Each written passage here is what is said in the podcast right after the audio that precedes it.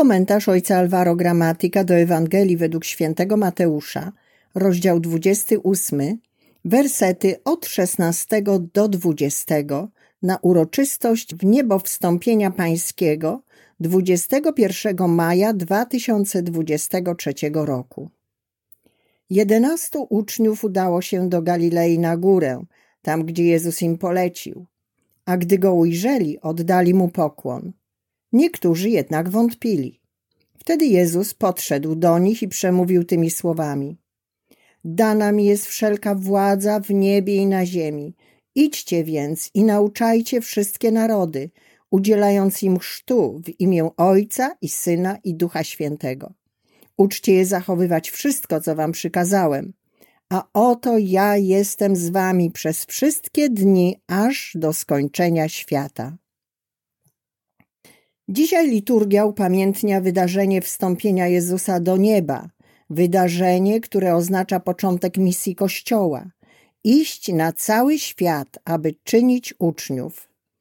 To posłanie do narodów jest jednak naznaczone tym, że zgodnie z opisem w Ewangelii według świętego Mateusza, Jezus nie odchodzi, ale pozostaje z uczniami na zawsze. Będzie obecny tak długo, jak będzie istniał świat. Żyjemy teraz w tym czasie misyjnym, który naznaczony jest zapewnieniem, że nie jesteśmy sami, ale że Jezus jest z nami. Pójście i bliskość są typowymi cechami tego, do czego jesteśmy powołani, by żyć prawdziwą misją powierzoną nam przez Jezusa. Chodzi o pójście na krańce ziemi, na spotkanie z ludźmi. Oznacza to rozpoczęcie wychodzenia z siebie, z domu, z naszych wygód i zainteresowań, aby otworzyć się na innych. Oznacza to skracanie dystansów, aby druga osoba odkryła, że jest interesująca dla Boga, upragniona i kochana. Oznacza to zbliżenie się, aby inni stali się braćmi i przyjaciółmi.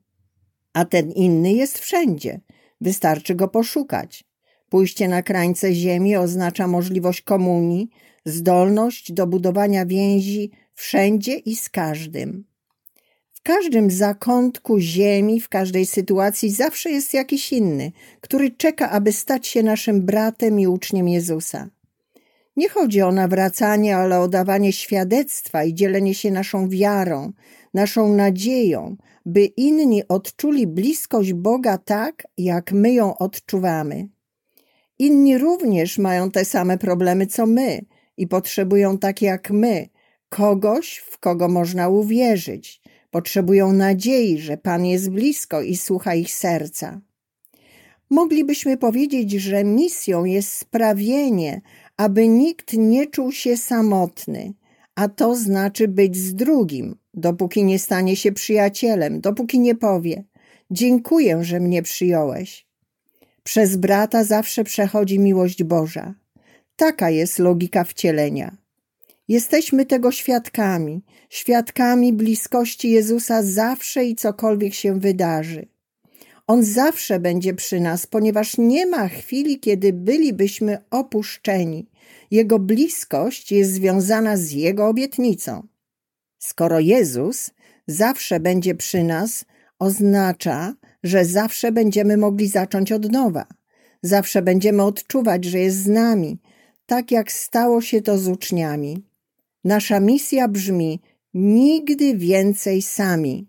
Oznacza to życie z Jezusem, zawsze i cokolwiek się wydarzy. Poszerzmy przestrzeń naszej komunii, dzieląc się z braćmi radością Ewangelii, aby stać się ludem uczniów.